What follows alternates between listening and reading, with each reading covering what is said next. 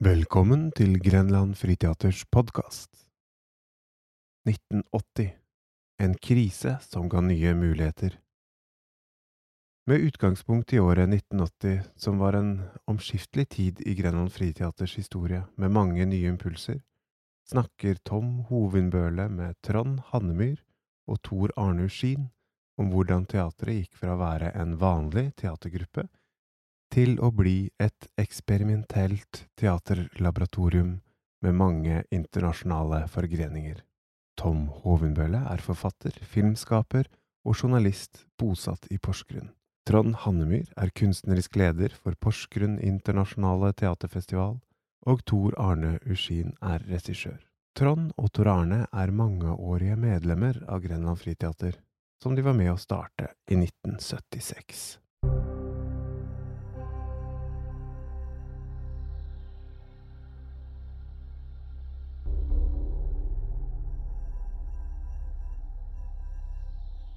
Ja, da sitter vi i teatersalen på Grenland Friteater med Tor Arne Westin og eh, Trond Hannemyr og meg, Tom Hovenbøle.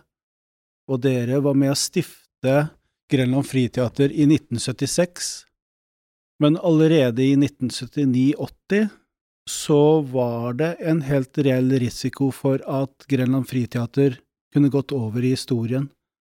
Fortell litt om de første åra og hvordan det kulminerte med, med en rekke omstendigheter som ledet opp til det som er blitt Grenland Friteater i dag?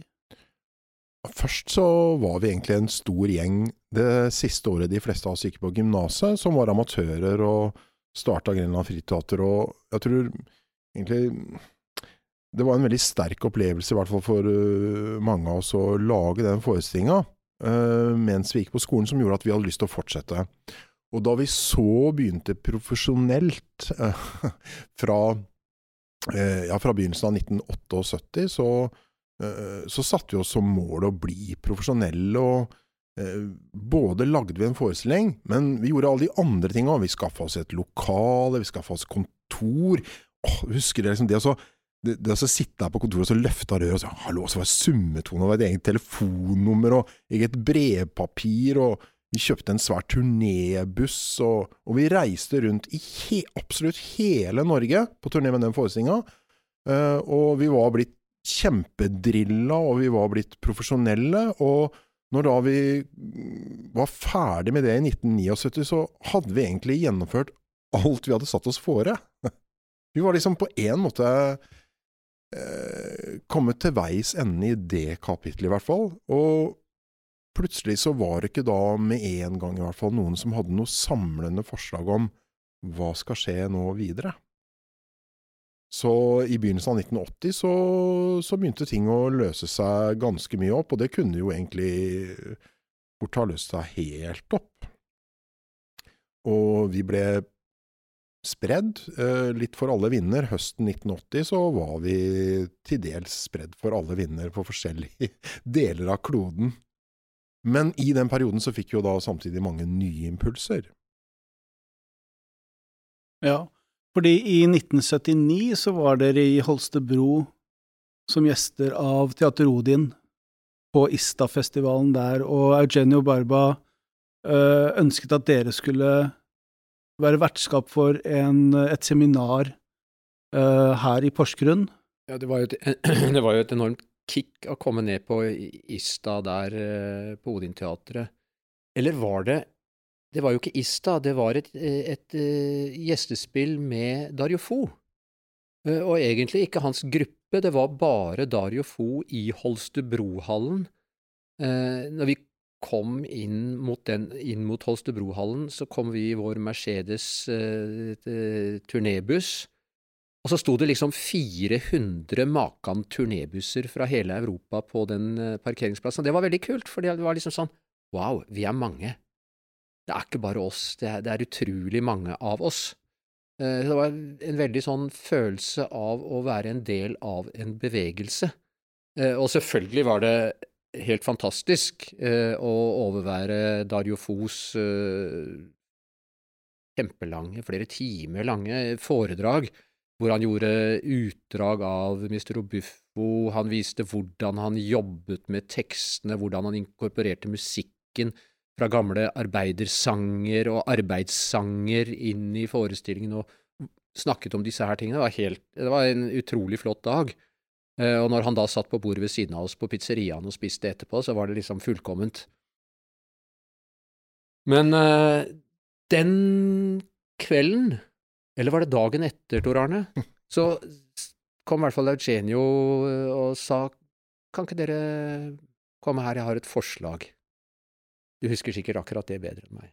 Ja, nei, jeg, jeg, tror, jeg, jeg, tror, jeg husker det litt annerledes. Men, men, det, men, det, er helt riktig det med Dario Fo var en stor opplevelse. Men jeg hadde reist ned litt tidligere òg til Ålsebro, og egentlig så hadde jeg vel det spørsmålet om Men jeg lurte på om jeg skulle spørre om å få bli elev på Odin-teatret. Men så, så hadde Lars Steinar sagt at han også ville være med. Så han blei med, og da kunne, jeg, da kunne jeg liksom ikke spørre om det. Det ble, ble umulig. Også, men, men, jeg spurte noe om, eh, om, om jeg kunne gjøre noe sammen med Odin Teatret. Og Eugenio Barba er virkelig en mester i å kombinere og få, til, få folk til å jobbe. Sånn ja! Yeah! Du kan komme og være med på de første utgave utgavene av Ista. Um, men hvis vi, hvis vi da lovte at vi skulle arrangere eh, et um, seminar med altså ISTA, som er den internasjonale skolen i teater og antropologi. Og det å arrangere det seminaret eh, i uh, Porsgrunn, det ville da bli et enormt stort organisatorisk og økonomisk løft for oss. Så jeg lovte at jeg skulle gjøre det, uh, sammen med Elsa Kvamme fra Oslo, som var leder for Saltkompaniet. Og, og, så skulle jeg få lov til å være med på en måneds seminar i Vest-Tyskland, i Bonn, eh, med alle disse store mesterne fra Ista. Så, så da, fikk en, eh, da, fikk jeg en, oppgave der. Mm. Men før vi går videre, hva er teaterantropologi? Teaterantropologi er studiet av mennesket i en teatersituasjon, heter det seg. Så det går veldig mye på å prøve å forstå hva hva skal jeg si, de vitenskapelige, det vitenskapelige grunnlaget for skuespillerkunsten. Ikke det psykologiske, men det fysiske, biologiske eh, og kulturelle grunnlaget for skuespillerkunsten. Og um, Eugenio uh, så veldig mye etter uh, lovmessigheter i, uh, i skuespillerkunsten og i måten å, um, å innøve skuespillerkunst og utdanne nye skuespillere. Dere gjennomførte jo ISTA i 1980. Eh, hva skjedde i Porsgrunn i, eh, under den festivalen? Nei, altså jeg, jeg, Det er morsomt å høre det Tor Arne sier, fordi at uh, man husker jo ting så forskjellig. Eh, han husker sin uh, versjon. Det der med din avtale med Eugenio og sånn, det visste jeg ikke, faktisk ikke om før nå. Uh, så det var interessant. Vi, på, vi, påtok oss en masse arbeid, ja. Mm. og Tor Arne var i Bonn. men så skulle jo også vi andre Lars var i Stockholm, husker jeg. Det, det blei jo til en historie for han. og jeg var i Holstebro på Ista, og så skulle vi arrangere vårt i Porsgrunn.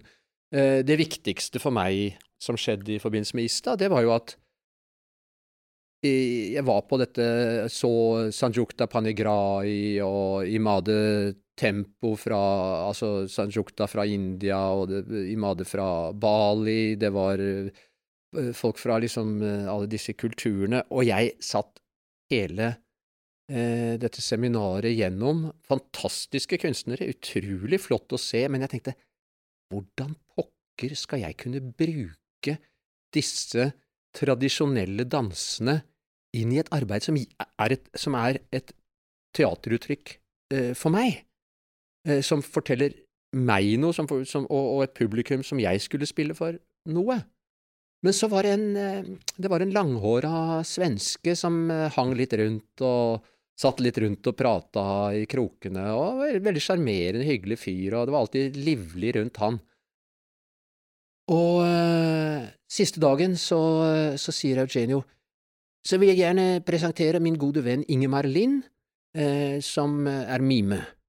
Og så kommer den derre hip, svenske hippien opp, eh, og plutselig så går et lys opp for meg at dette knytter jo an til det, men det var også et, et moderne uttrykk som jeg kunne forstå. Og da kom jo, etter det så kom Ingemar opp og var i første omgang her under Ista og viste sine arbeidsdemonstrasjoner her, men det var jo også et, eh, starten på et langt samarbeid. Mm. Eh, særlig mellom Tor Arne og Ingemar som, som regissører, men det at, eh, det at vi traff Ingemar blei viktig for gruppa. Mm. Mm. Fordi i løpet av 1980 så gjør dere selv en Dario Fo-forestilling. Lars Steinar gjorde, og sammen med Tor Arne, gjorde Gjøglerens fødsel fra Ja, nettopp. Buffo. Ja. Mhm. Og litt over en uke seinere så er det den første forestillingen med sjakk og ludo. Ja, det der var jo en sånn periode som, som uh, var liksom Hva pokker gjør vi nå? Mm. Og det blei Ista, det blei sånne greier. Vi leita etter noe. Og, og Lars Steinar og Tor Arne ville gjøre, gjøre de Dario Fo-tingene. Lars foreslo for meg å lage noe for barn. Eh, og det syns jeg var en ganske god idé. Vi begynte liksom et helt annet hjørne enn det som etter hvert blei sjakk og ludo. For vi begynte med Harald Sverdrup-tekster og liksom lese dikt for barn. Og, men så måtte vi liksom gi det litt liv, og så, ja, så tok det etter hvert en helt annen retning. Eh, også etter at Tor Arne kom inn som regissør, og vi begynte å se liksom mer på den klassiske klovnen og bla, bla, bla. Eh, Iallfall så blei det sjakk og ludo, eh, som hadde premiere i 1980. 81 en eller annen gang. 1980. 1980. 28. august 1980. Sier Wow. du det, ja? Ja. Takk for Det opplysningen. står i boken. ja, men jeg, husker, jeg husker det der sånn at uh, Lars og Trond hadde egentlig laga en forestilling, og de hadde til og med trykt program, og den het noe annet. Um, og Fra oss til dere, tror jeg den. Stemmer, det heter Ja. Det programmet har vi liggende et sted ennå. Men uh, så kom jeg og så, så på det, og så var liksom sånn at de ungene de kjeda seg litt. Så da foreslo jeg at eh, vi skulle, skulle forandre litt på forestillinga. Og så, så begynte vi på det. Men så, underveis i det arbeidet, så tenkte jeg at vi skulle gjøre noen publikumsprøver. Og jeg husker at vi reiste ut i, på skolen i Bjørkedalen eller i Okkelungen. Og så viste vi noen utdrag av forestillinga. Det gikk ganske fint, eh, det. Men etter at vi hadde vist selve forestillinga, så var det så kort at ungene ville liksom ha noe mer. Og så da satte Lars og Trond i gang med å demonstrere sånn klovneslåssing. Du vet sånn liksom når, når du faker at du slår til en og sier noe au, og så sånn. Og det gikk jo rett hjem, ikke sant? Det, og og ungene syntes jo bare det var så moro. Og, og når Lars og Trond datt på gulvet og øh, lekte at de slo seg sånn, det, det, det var liksom topp. Så det var en veldig inspirasjon, for å si det helt enkelt. Så dro vi hjem, og så lagde vi en masse nummer med slåssing og så videre sånn. Og de fysiske tingene der, det ble jo det egentlige grunnlaget for de fleste scenene i Sjakk og Ludo siden. Mm. Mm. Det er jo fremdeles vel den mest spilte forestillingen som Friteatret har gjort. Ja, den det? ligger i hvert fall sånn sammen med Fridtjof Humlesen rundt 400 forestillinger. Og Ja. sjakk og, jeg, vet, jeg vet at sjakk og ludo spilte i 13 forskjellige land, Ja. og det er ikke så gærent. Nei, det er jo Jeg tror det, nei, det, det var i hvert fall sånn at uh, de skulle gjøre noe sånn uh, remake eller noe sånn siste forestilling, og da tok fram de der kostymene. Det, det var blitt helt sånn kostyme som var svarte ut som var helt grå, ikke sant. Og så var skuespilleren også kanskje blitt mer grå, men det, men det Når var siste forestilling med sjakk og ludo? Siste egentlige forestillingen var uh, på aller første Pit, altså i uh, juni 1995. Det var siste gang vi spilte hele forestillingen. Mm. Så har det blitt noen sammenhenger, sånn jubileumssammenhenger og sånn, hvor vi liksom har gjort to minutter og sånn. Ja. Men eh, det var siste gang vi spilte sjakk og ludo. Nettopp. Dere ruller kanskje ikke så mye rundt på gulvet mer. Ikke jeg, i hvert fall. Men uh, i, uh, I 81 så har dere premiere på en, et slags arbeidsdokumentasjon, en slags uh, workshop-improvisasjon som heter Petimento, som du har Tor Arne kalt uh, kanskje den viktigste forestillingen som dere har gjort. Fortell mer om den, og Ja, hvordan den kom til. Ja, jeg har sikkert sagt det, for at, uh, fordi uh, altså i denne perioden hvor i 1980 hvor vi var fra hverandre og vi fikk veldig mange nye impulser, så så gikk det jo egentlig i retning av at allting skulle oppløse seg. Og eh, Lars Steinar og Eva, som eh, de var ute i jungelen i India for å lære seg katakali, og vi var ikke egentlig sikre på om de var medlem av Grenland Friteater. Altså, vi hadde jo ikke det var jo ikke så stramt organisert. Og Trond var, ikke, var vel ikke egentlig heller liksom sånn helt strengt tatt med. Og Lars sa at nei, nå orka ikke han mer, han hadde egentlig lyst til å finne på noe annet. Og da var, liksom, da, da var jeg nødt til å finne på noe. Um, fordi for meg var det bare så utrolig viktig at uh, at uh, denne gruppa skulle fortsette, for hvis ikke tror jeg jeg hadde, da hadde jeg ikke visst hva jeg skulle gjøre. Uh, så da fant jeg på å prøve å samle uh, ensemblet til å lage en forestilling med utgangspunkt i amerikanske kriminalromaner med Dashiell Hammett og Raymond Chandler. Uh, og jeg husker, jeg, det, det jeg husker aller best med det, det var at vi sendte telegram til India. På engelsk sånn uh, Please call home, stop. New performance project, stop. Og, sånn. og så gikk det to dager, og så ringte den der uh, telefonen på kontoret, ikke sant. Så hørte det sånn langt borte Hallo! og da hadde Lars Steinar og Eva eh, Da hadde de gått en hel dag for å komme til nærmeste telefon, som var en sånn lite bu som ligna på, på størrelse med en utedass som sto et eller annet sted ute i jungelen der. Og, og da var det jo det var helt liksom tårer og alt mulig. Ja, ja, vi kommer, vi kommer, ja, ikke sant. Men det var jo på en sånn samling i bånn, da. Eh, og så, så kom de hjem, og så starta vi eh, på å skulle lage en ny forestilling eh, i begynnelsen av 1981. Og det Altså, det var Det var veldig spennende, og det var en ny måte å tenke teater på. Det gikk jo i grunnen forferdelig dårlig til å begynne med. Eh, fikk jo ikke laga noe ordentlig materiale, men skuespillerne ble innmari gode til å trene. Og ble veldig fysisk agile og i det hele tatt. Eh, men det var først da Ingemar Lind kom i eh, begynnelsen av april 1981 at han virkelig satte oss på sporet av hvordan vi kunne bruke improvisasjon til å sette sammen en forestilling. Og hjalp utrolig mye for å få den forestillinga på beina. Men når du sier den arbeidsdemonstrasjonen, det var jo egentlig første versjon av forestillinga. Det var bare det at jeg visste ikke hvordan man skulle lage ferdig en sånn montasje av en forestilling. Fra A til Å. Så derfor så presenterte vi det som en arbeidsdemonstrasjon, sånn at vi viste noen teknikker først, og så hadde vi en halvtimes materiale som vi, som vi forestillingsmateriale som vi viste til slutt. Ja, for det ble jo forestillingen av Play Is Over, som hadde premiere i 82. Mm. Uh, men tilbake til Ingmar Lind. Hva var det han lærte dere sånn i forhold til improvisasjon og det å tenke struktur og dynamikk uh, i teatret? Jeg, jeg tror sikkert Tor Arne kan si mer om hva han lærte oss sånn rent fagmessig. Men han lærte oss, eh, han lærte oss noe med holdninger. Uh, fordi, at, fordi at vi hadde overtatt en litt sånn Odin-teater, innbiller jeg meg, eh, steinhard militærdisiplin. Eh, som var en slags strategi for å overleve. Eh, og at vi skulle i hvert fall begynne på jobb halv sju, sånn som arbeidsfolk gjorde.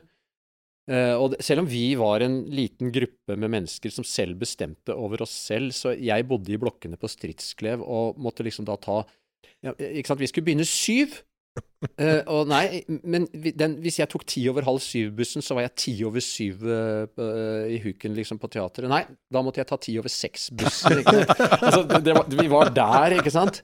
Uh, og så var det liksom bare på med trening, og så, så trena vi i, i mange timer, liksom, så, så liksom hele det der lokalet vi jobba i, var kliss vått, så det drypte av taket omtrent. Men vi kom jo ikke noe videre med det. Vi, som Tor Arne sier, vi blei jævlig gode til å trene. Mm. Uh, Ingemar lærte oss no, nok en litt annen, mer leken holdning, eh, som ikke hadde mindre disiplin i seg, men det var en disiplin som det var mye mer glede over, og som, og som på en måte førte mye mer framover. Uh, sånn som jeg husker det. Ja, altså, det som er litt vanskelig å forklare i dag, men, eller å vite i dag, er at på den tida så var det mange teatergrupper som var veldig gode til å trene. Til å gjøre en type akrobatisk trening som da på en måte var blitt introdusert av eh, Grotowski gjennom sitt arbeid, men også videreutvikla av Odin Teater, så det var veldig mange som kopierte.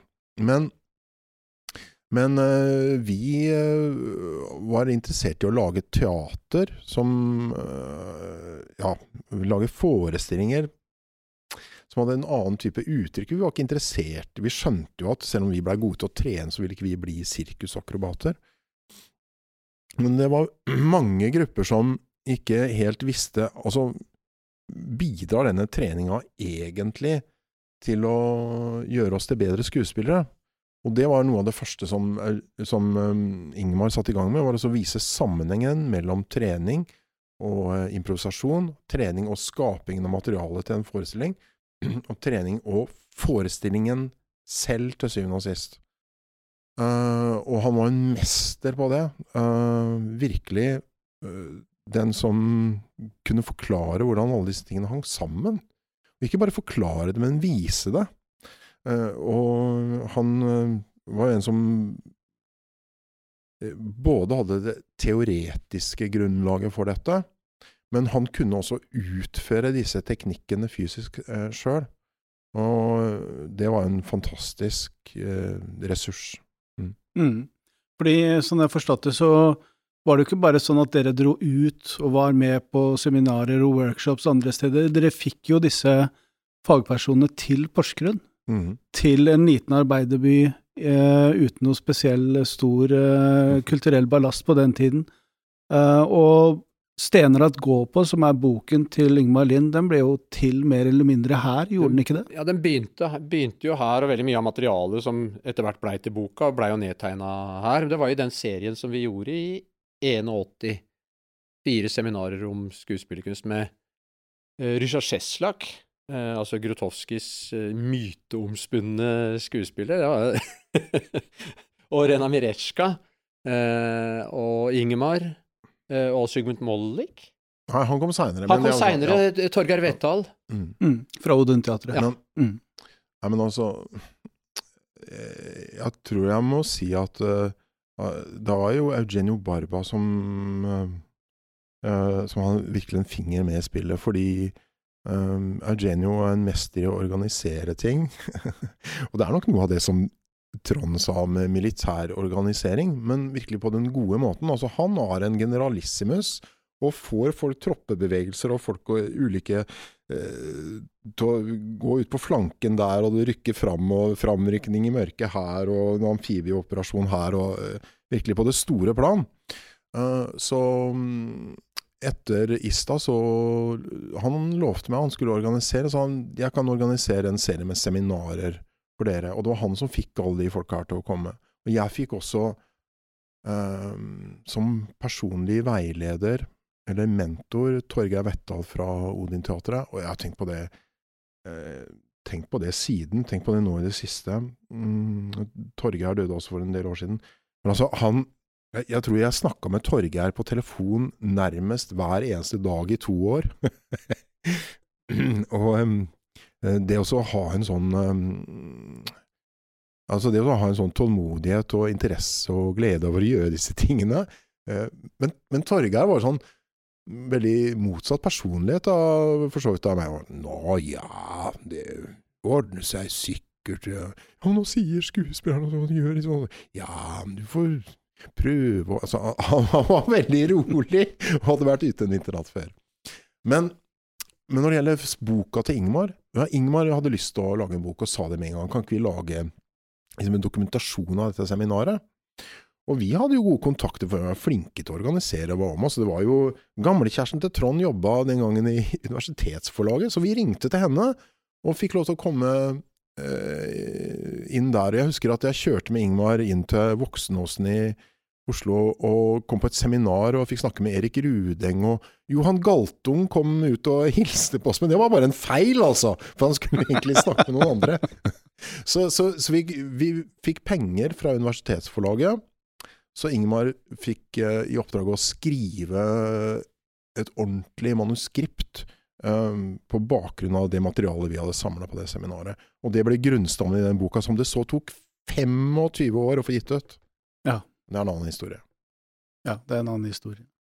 Men eh, på denne tiden så eh, Inni alt det her så har jeg forstått at dere dere gikk med liksom tanker Skal vi flytte et annet sted? Skal vi liksom etablere oss andre steder, eller skal vi bli her? Og så ble dere her, og så istedenfor å pushe på med masse forestillinger, så begynte dere også å invitere andre hit. Så det, dere på en måte kuraterte litt forestillinger for det store publikummet. Blant uh, annet en forestilling som ble ganske mytisk, uh, med Cirque Allegri i Stridsklevhallen. Cirque Allegri. Cirque Fra, Allegri Fran fra Frankrike. fra Frankrike. Ja, ja, det eh, må jo sies at, at eh, det som er igjen av Cirque Allegri i dag, er Nå husker ikke jeg navnet hans i farta, men han driver et hestesirkus hvor han og hestene er ett. Og han ligger liksom to måneder og spiller i New York, to måneder i Shanghai. Altså, det er et av de, de, de tingene jeg må se før jeg dør. Men, eh, men den gangen så var Circa Ligre eh, en eh, litt mer sånn middelaldersk gjeng som jeg har sett på film seinere, som sprengrir inn i folkemengder, veldig provoserende. Og men det var veldig lite strategi bak at Cirka Liger kom hit. Vi hadde kontakt med, med Teater Sharazad i Stockholm. Og så fikk eh, Lars og jeg var aleine her. Tor Arne var i Bonn. Lars Steinar og Eva var i India. Lars og jeg var her. Og så fikk vi eh, liksom en telefon fra Stockholm om vi kunne ta imot et fransk sirkus. Eh, jo eh, Ja, men send eh, liksom så, så fikk vi Men jeg gjorde avtale med det, og så dro jeg og lo- overlot ansvaret til dere. ja, det var sånn det var kanskje. Det var kanskje sånn det var. Iallfall så, var Lars og jeg her, og vi hadde fått da papirer om uh, Cirka Liger og Barna og sånt noe, så vi leide Stridsklevhallen, som den gangen var helt ny. Eh, fikk eh, låne brytemattene, som da var helt nye, til brytegruppa, og, og satt annonse i avisa og delte ut løpesedler på stri, hele Stridsklev om Cirka Liger og Barna, og det var første gang det var liksom Jeg har skjønt det i ettertid at det er første gang det var nysirkus i Norge. Eh, og det var i hvert fall første gang det var sånn sirkus som ikke var Arnardo-type sirkus. Første gang det var sirkus på Stridsklev, i hvert fall. Ja, ja, første gang det var sirkus på Stridsklev.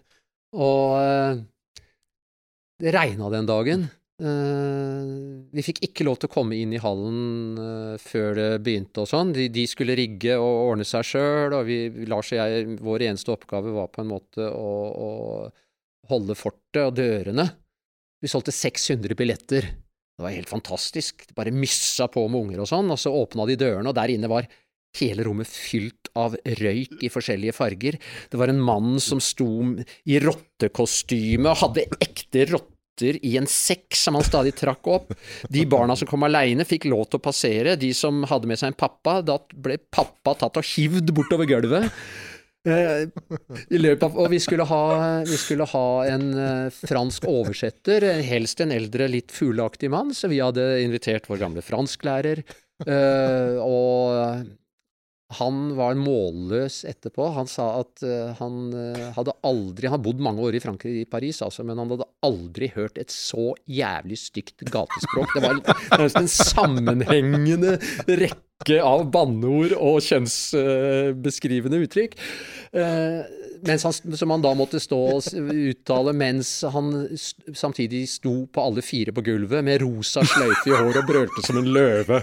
Eh, over hodet på publikum, på line, så gikk det rotter bare sånn en halv meter over hodet på publikum. Ekte rotter. Uh, og på et tidspunkt så tok han en, nok en gang hånda ned i sekken med rotter, hylte som en stukken gris mens hånda kom opp, og heiv noe som alle selvfølgelig trodde var en rotte, midt inn i amfiet, som da publikum delte seg. Det kunne dette sammen hele amfiet, har jeg tenkt på i ettertid. Det var selvfølgelig en sokk, men eh, Nei, eh, før forestillingen var over, så sto det fire politifolk eh, og prata med meg og Lars. Brytegruppa sto der og bare venta på å by oss på bank av alle høla i brytemattene deres, og kommunen lurte på hvor mye sandpapir vi hadde, for vi måtte jo pusse ned alle veggene etter de der eh, røykgreiene. Så det, og dagen etter så var overskriften i avisene 200 barn gråtende hjem. Så eh, Nei, det var altså eh, Vår, vår gode lærer Arne Ullmann fra gymnaset, han og kona og et vennepar, de var på forestillingen. Og snakka med Arne et par dager etterpå. Han sa det er den mest fantastiske kulturkollisjonen jeg har vært med på. Han, eh, han og, og, og kona og dette venneparet var blitt sittende hele natta og diskutere om dette var bra eller dårlig. Så det, det, var, det slo virkelig an, det får man si. Et halvt år etterpå så hadde vi italienske Teatro Potlatch eh, på besøk i Porsgrunn med noen veldig fine forestillinger, og, og annet en gateparade. Det sto masse mennesker oppover fortauene langs Storgata for å se på gateparaden. Og jeg sto utafor Narvesen der, og så hører jeg fra to gamle damer som står foran meg. Hva er dette for noe, da? Og det er sånn de skremmer barna med det. Så vi, vi sleit noen år med det ryktet der. Ja. Men eh, det gikk jo et par år, så begynte dere et prosjekt som ble avbrutt, som het En midtsommernatts drøm.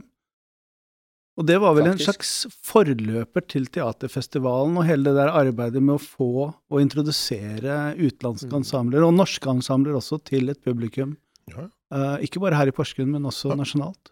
Jeg tror det hadde sammenheng med at uh, en periode så hadde vi et lokale hvor det var mulig også å spille teater. Og det var midt i byen, altså der hvor eh, biblioteket i Porsgrunn ligger nå. Eh, men så eh, brant det gamle biblioteket, og så måtte vi flytte ut derfra. eh, og så flytte et annet sted, og da, da ble det ikke mulig å, å, å arrangere ting. Så det kan ha hatt med det å gjøre. Men men altså, det, det har alltid vært, eh, vært eh, en del av vår virksomhet også å invitere teatergrupper til, mm, Porsgrunn og vise ting. Altså veldig få utvalgte ting til å begynne med, men allerede mens vi gikk på gymnaset Jeg tror det første som vi eh, arrangerte, det var eh, Perleporten teatergruppe fra Oslo, som spilte forestillingen Uh, mora satt på første benk, og faren satt på annen, og Knoll tatt på galleri og lo som bare faen. Det, det var jo Det var et sånt En anarkistisk teatergruppe. Ja. ja, anarkistisk opprør med, med deres bakgrunn på beste vestkant i Oslo. Og det var jo eh, Ja, det var veldig moro. Det var kjempegøy, det. Ja. Nei da, vi hadde jo, vi hadde jo opp igjennom uh, Vi var jo opptatt av å se andre grupper, og opptatt av å invitere andre grupper til Porsgrunn og til Skien og, og sånt noe. Så det At vi gjorde den, En sommernattsdrøm i 83, det hang nok også litt sammen med at i E81 så blei Lars og jeg invitert til teaterfestivalen i København med Sjakk og Ludo. Uh, og så var vi i, eh, var vi i Madrid uh, og, og spilte uh, altså hele, hele teatret. Vi gjorde sjakk og Ludo, vi gjorde Pentimento, vi gjorde The Plays Over. Vi gjorde Gjøglerens født... Nei, men de gjorde den, eh, den eh, indiske for Lars. Altså vi og, og på den måten så traff vi jo veldig mange teatergrupper. Mm. Vi traff masse bra teaterfolk. Mm. Vi hadde veldig mye spennende å vise. Vi hadde jo lyst til å dele dette her med oss i vårt hjemlige miljø. Mm. Så, så det var nok på den måten vi bygde opp et nettverk og, og, og inviterte da eh, det som var venner, selvfølgelig, til Porsgrunn og den første sommernattstrømmen i 83. Det blei bare et par år. Om det, om det handler Ja, det handler kanskje om lokale, men det handler jo også om at vi fikk jo ikke noe økonomisk support til det den gangen. Mm. Eh, og, det, og det er grenser for hvor mange venner som er villige til å komme gratis. Mm. Ja. Litt penger her og der hadde vi selvfølgelig, men, eh, men det var ikke noe økonomi i det den gangen. Nei. Men økonomien kom jo etter hvert, gjorde den ikke det? Ja, altså, Utover 80-tallet? Ja, altså, Tor Arne sa liksom ja, når sånn helt i begynnelsen av snakken i stad, ja, vi hadde vårt eget kontor. Ja, vi sendte en søknad også om, om, å, om å få 500 kroner til skrivemaskin. Altså, var liksom, vi var jo der i begynnelsen. Vi, Ja. vi, vi bodde jo ikke akkurat så veldig fint. Vi delte en hybel. eh, Og, og hadde utrolig lite penger og liksom spiste poteter. Sånn at det, det var jo ikke De der første åra var jo ikke spesielt feite. Nei. Eh, Men vi syntes det var jævla gøy, da. Ja, ikke sant. Ja, men vi, vi sendte søknad og fikk noen penger, og jeg husker, jeg husker den eneste gangen jeg har vært i Y-blokka, siden det har vært så mye snakk om den i det siste. Men altså, jeg tror det må ha vært årsoppgjøret for 1978. Det ville ikke departementet godkjenne. Så da, det måtte revideres eller noe sånt, så da måtte jeg gå til noen regnskapsfolk her i Porsgrunn som får liksom få noe ordentlig stempel på det og sånn. Det var jo ikke elektronisk den gangen. Og så øh, tok jeg med meg den stresskofferten som vi, dokumentmappa som vi hadde på deling, var sånn brun, enkel stresskoffert. Og så tok jeg toget til Oslo med de papirene, og så var jeg oppe i Y-blokka, fordi Kirke- og undervisningsdepartementet, det het ikke Kulturdepartementet engang, det var da i Y-blokka. Og snakke med en veldig mm, berømt uh, saksbehandler der, som jeg nå dessverre har glemt navnet på. Og uh, var altså så letta over at dette gikk bra.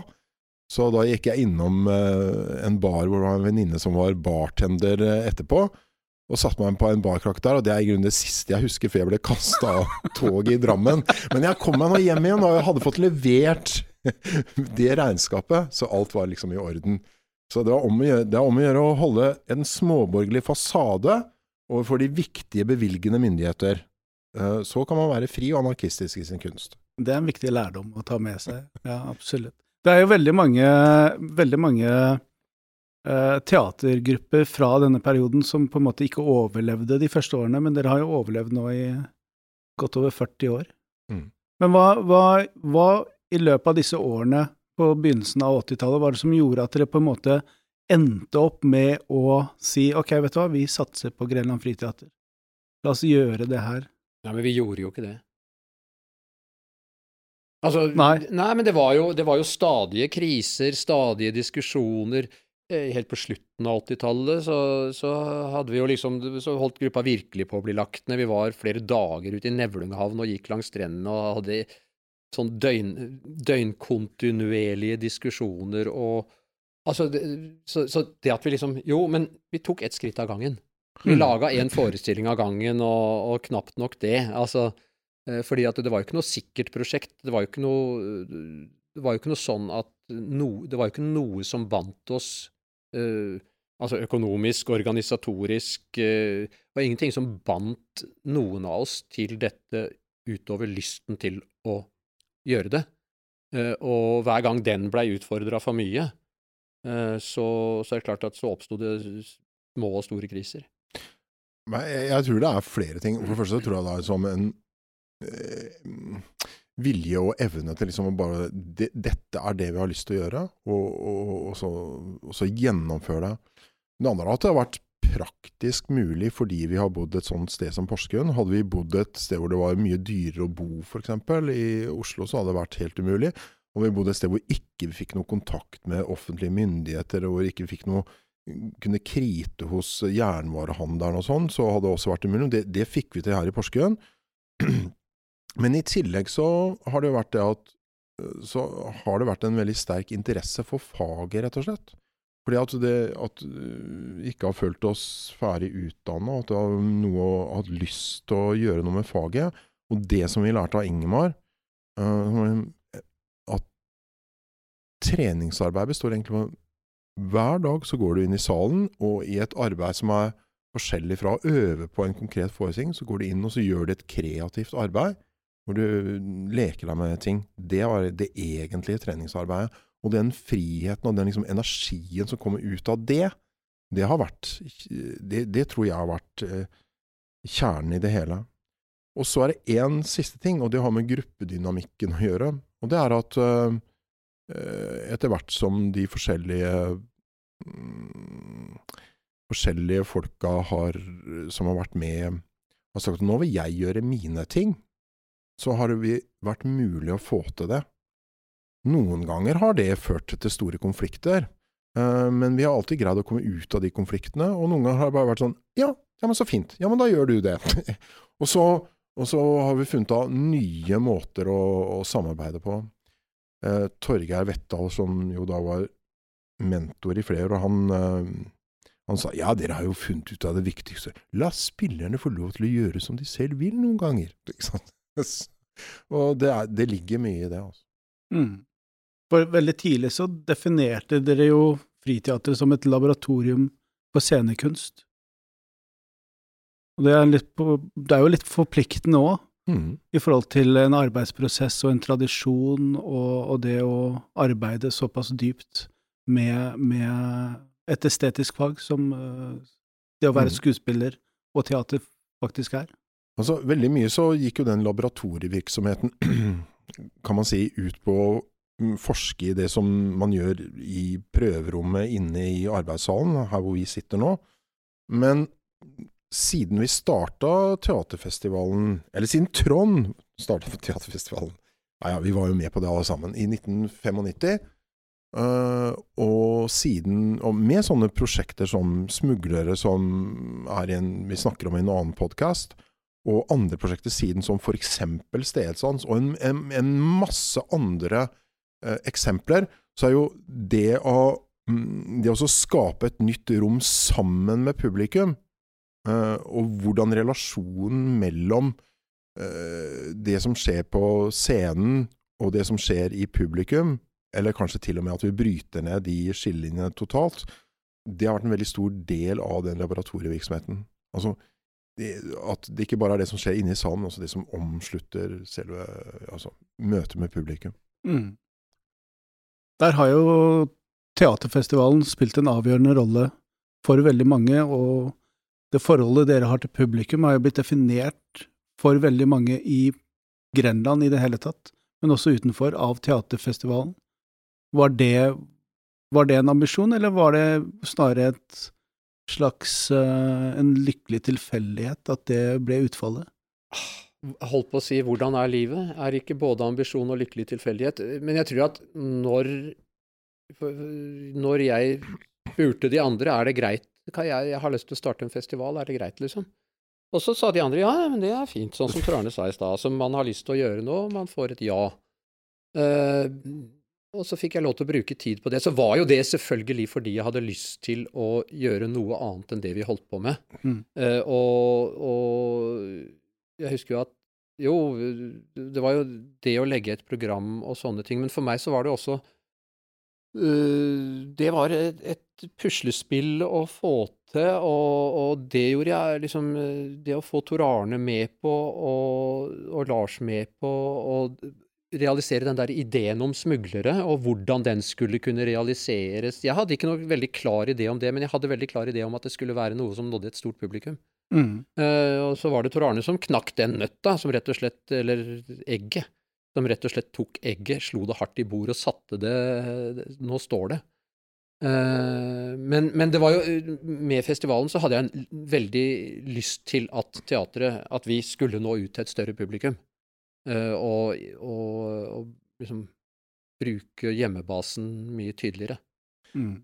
Men sant, når, du, når du sier det nå, Trond, så, så tenker jeg at en av de hemmelighetene mm, bakom det å kunne holde på så lenge, og som ikke snakkes så mye om, det er rett og slett den derre gruppedynamikken.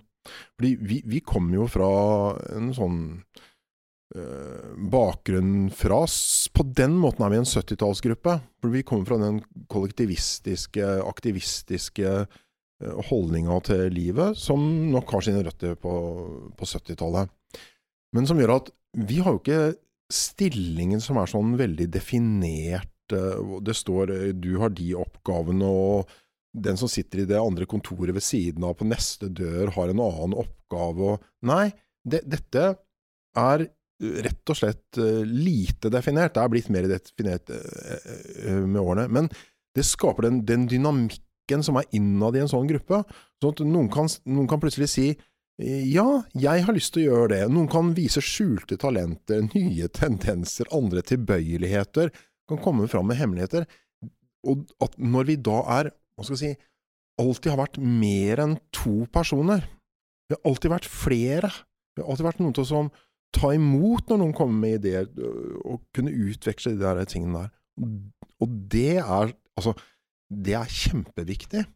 Men det er jo ikke sånn som du greier å skrive på formular, og sånn som myndighetene greier å ta tak i. De, de vil jo helst at det skal Det skal jo helst være satt opp på skjema, ikke sant? Og, og det er det bare ikke. Nei. Du har, eh, Trond, eh, skrevet i eh, Friteaterets eh, historiebok at eh, noe av grunnlaget for at dere kunne gjøre alle disse tingene, var at dere faktisk hadde tid. Eh, At dere fikk lov til å fabulere rundt det dere holdt på med, og komme opp med disse ideene, og at det på en måte skapte den dynamikken både i gruppa, men også i, i forhold til prosjektene deres. Uh, tilbake på i begynnelsen av 80-tallet, når vi snakker om det, siden det er utgangspunktet. Men nå er vi inne i en ny periode der vi er påtvunget å ha veldig mye tid og litt avstand og har rom.